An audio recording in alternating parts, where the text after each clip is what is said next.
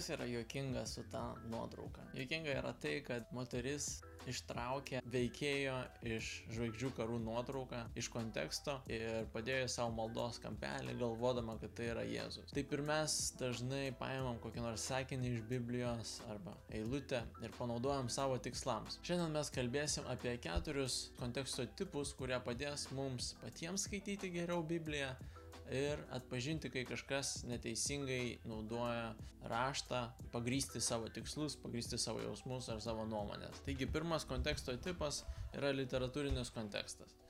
Literatūrinį kontekstą galima taip suprasti, skyrius, iš kurio tu paėmė tą eilutę, yra kaip puzlė. Ir paimdamas vieną eilutę, tu paėmė kaip vieną dalelę. Ir tu gali kiek nori žiūrėti tas spalvas tos dalelės, tą formą tos dalelės, bet visa vertė puzlės yra, kai tu pamatai visą paveikslą.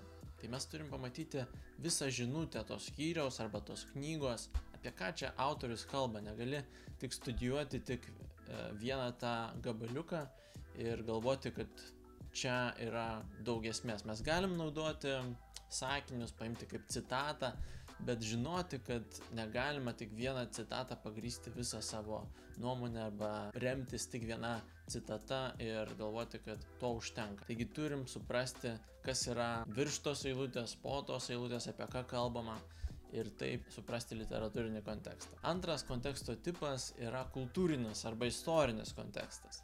Turim suprasti, kad raštas nebuvo rašytas 21 amžiaus žmonėm. Jis buvo rašytas to amžiaus žmonėm. Tai Senas testamentas nuo 3 iki, iki Jėzaus gimimo, o Naujas testamentas pirmam amžiaus žmonėm. Ir kaip mums dabar yra savaime suprantamų dalykų, kaip, nežinau, kažkokie tai telefonas, ma mašina, dalykai, kurie nereikia aiškinti kažkam, kai kalbi. Aš galiu pasakyti, aš paskambinsiu draugui ir jūs suprasit, ką aš turiu omeny. Jeigu aš pasakyčiau pirmo amžiaus žmogui, aš paskambinsiu draugui, jis pagalvotų, apie ką tu čia šneki, kaip tu paskambinsi, ar trimitų, ar varpų, ką turiu omeny. Taip ir jie turėjo tam tikrų suvokimų apie Romos imperiją, apie žydiškas tradicijas, apie žydišką kultūrą, kurie jau išnyko, kurie mums yra neaktualūs, bet jiems buvo savaime suprantami ir nereikėjo to aiškinti, todėl to nėra tekste. Tai yra, kaip yra lietuviškai implied Taigi reikšmė yra savaime suprantama arba potekstė. Trečias konteksto tipas yra išgelbėjimo kontekstas. Galim suprasti raštą kaip teatro pjesę, ne? arba visą istoriją žmonijos kaip teatro pjesę. Ne ciklišką istoriją, kaip budistai supranta, bet krikščionis supranta istoriją kaip turinti pradžią ir turinti pabaigą. Ir dabar Naujojo testamento žmonės mes gyvenam prie pat pabaigos, paskutiniam akte prieš, prieš finalinį aktą, kai Dievas grįž ir viską tvarkys pagal, pagal savo nuožiūrą. Senojo testamento žmonės gyveno prieš Jėzaus ateimą, prieš jo gyvenimą, mirtį ir prisikelimą. Ir todėl, pavyzdžiui, kaip Dovydas meldžiasi 51 psalmiai Dieve nepaimk iš mane savo dvasios, mes krikščionis šiandienos greičiausiai jau nebegalėsim taip melstis, nes Naujam testamente Dievas duoda dvasę um, ne taip kaip Senajam testamente. Senajam testamente jis duodavo dvasę savo tam tikriem žmonėm, tam tikrų laikų, tam tikrą užduotį atlikti. Šiandien Dievas duoda savo dvasę visiems, kurie prašo, visiems, kurie patikė jo sunumi. Ir Naujam testamente mes nematom tokių nuorodų į tai, kad Dievas galėtų ją atimti. Yra kalbama apie tai, kad mes galim ją numalšinti dvasę arba nuliūdinti, bet niekada nekalbama apie tai, kad Dievas ją atims iš mūsų. Bet Dovydas, žinodamas, kad jis yra karalius, jam Dievo dvasia yra duota tam tikra kaip atsakomybė atlikti netgi prieš, prieš tautą. Ir šitą maldą mes žinom, jis meldžiasi po to, kai nusidėjo, permėgodamas su moterim, kuri nebuvo jo žmona ir po to nužudė jos vyrą, suprasdamas, kad padarė nuodėmę, jis tokiu būdu atgailauja ir prašo Dievo, kad Dievas netimtų iš jo savo dvasę. Nes jis žino, kad karaliui Sauliui prieš jį kuris buvo, karalius Saulius nusidėjo ir Dievas atėmė dvasę iš Sauliaus ir davė Dovydui. Štai yra kontekstas Dovydo maldos. Šiandien mes jau būdami naujo testamento žmonėmis ir žinodami, kad Dievas mums duoda dvasę ne kažkokiam, ne kažkokiai užduočiai, ne, ne tik tai tam tikriem žmonėm, bet visiems, kurie prašo, visiems, kurie patikė, mes žinom, kad Dievas nebeatims iš mūsų dvasios. Tai nereiškia, kad mes negalim pasimokyti iš tos maldos, mes tikrai turim ir galim pasimokyti mm, atvirumo, būdo atgailauti, nuolankios širdies prieš Dievą, bet mes nebemelsimės tais pačiais žodžiais. Ir paskutinis konteksto tipas e, yra tematinis arba teologinis kontekstas. Kaip kiekviena knyga, kiekvienas romanas yra parašytas perteikti tam tikrą žinutę, pamokyti apie tai, ar apie drąsą, arba apie pasiekmes kažkokio tai gyvenimo būdo, ar apie tai, kaip nugalėti pereiti per sunkumus, taip ir kiekviena Biblijos knyga yra parašyta su tam tikra žinutė. Ir mes būtų gerai, kad žinotumėm, kokia yra ta žinutė. Ir kai e, žinom, kad pavyzdžiui, pirmo Jono laiško žinutė yra mylėkit vienas kitą, ir paimam vieną eilutę iš pirmo Jono laiško ir kažkaip atrodo nesutampa, ką mes suprantam iš tos eilutės su bendra tema laiško, greičiausiai aš netaip interpretavau tą eilutę, ar ne?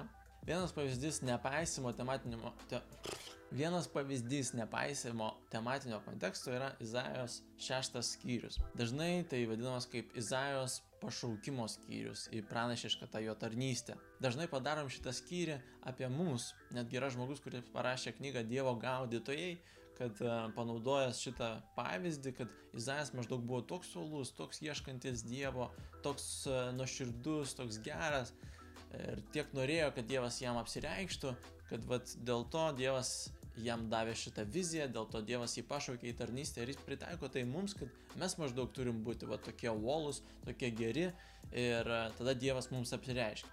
Ir nepaiso Biblijos viso konteksto, kad dažniausiai, kai Dievas yra pašaukęs žmonių į tarnystę, uh, jie visiškai kažką kitko darė, jie neieškojo Dievo, arba kaip Mozė ir Gideonas net nenorėjo tarnauti, Dievas turėjo juos tempti, kaip beveik priversti juos tarnauti jam, padaryti tai, ką Dievas nori. Dar labiau nepaisimas yra tas kontekstas, kad čia yra uh, skyrius ir visa Izaias knygos tema yra Dievo šventumas, Dievo didybė, Dievo išaukštinimas virš visko. O ne apie mus, ne apie tai, kaip mums būti pašauktais, ne apie tai, kaip mums surasti Dievą, o apie Dievą, koks jis yra, koks yra kitoks, galingas, šventas ir didingas. Taigi išvados yra tokios, kad nors atrodo, galbūt skamba gan sudėtingai žinoti visus šitos kontekstus, bet iš tikrųjų tai nėra ant tiek jau sudėtingai. Galima pradėti tiesiog nuo skaitimo aplink tą eilutę, paskaityti visą skyrių, iš kur yra ta eilutė ištraukta ir suprasti apie ką pabandyti išsiaiškinti, apie ką čia yra kalbama, kaip čia viskas susiję, kaip eina ta mintis autoriaus. Ir tokiu būdu mes suprasim, turėsim omeny literatūrinį kontekstą. Kitas dalykas yra tiesiog mąstymo. Mes esam tokioj kultūroje šiandien, kur skaitom tik Facebook'e antraštės ir taip sužinom naujienas. Ir e, Biblijoje darom tą patį. Mes skaitom dienos eilutę ir iš to susidarom savo nuomonę, iš to maitinamės Bibliją. Richardas Fosteris sako, atrodo šiandien krikščionim labiausiai reikia tiesiog skaityti daugiau Biblijos arba skaityti didesnės dalis Biblijos iš karto, iš vieno karto. Ne vieną skyrių, kaip mes dažniausiai skaitome, ar vieną eilutę, kas yra gerai, bet negalim tik ant to gyventi. Jis sako, pasimkit dieną kokią nors, pasimkit valandą savaitgalį, paskirkit, kai jūs atsisėsit ir skaitysit visą valandą, visą knygą iš eilės arba keletą knygų iš eilės. Arba pasiskirkit dieną, kai žinosit iš, išvažiavimą tokį, kur jūs niekas netrukdys ir jūs visą dieną skaitysit ir paskirsit tam laiko. Mes nežinom bendro Biblijos konteksto. Studijuojam vieną lapuką, žiūrim kok, kokia jo forma, kokios spalvos, bet nematom viso miško. Mums labai šiandien reikia pamatyti visą mišką. Jeigu mes pradėsim susipažinti, skaitysim ta, tas pačias knygas vėl ir vėl ir vėl mes pastebėsim temą knygos, mes pastebėsim apie ką čia autorius kalba, mes susipažinsim su autoriaus tonu, su jo mintim, su jo charakteriu ir suprasim, kad ar ta eilutė, kurią aš paėmiau dabar, ar jinai atitinka temai šitos knygos, ar atitinka autoriaus tonų ir charakterio, apie ką šitas autorius dažniausiai kalba apie tos dalykus, kurie jam yra svarbus, ar čia visiškai nesutampa. Ir paskutinis dalykas yra suprasti išgelbimo kontekstą, atskirti Senąją testamentą nuo Naujojo testamento. Ne viską iš, iš Senojo testamento, ne visus žodžius mes galim savo šiandien pritaikyti. Mes galim pritaikyti principus, mes galim susipažinti su Dievo charakteriu, nes Dievas nesikeičia, bet ne visi žodžiai pasakyti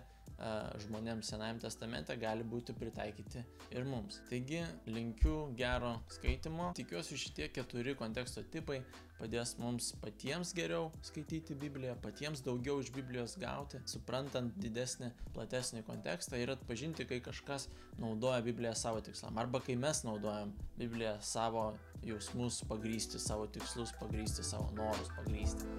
Iki.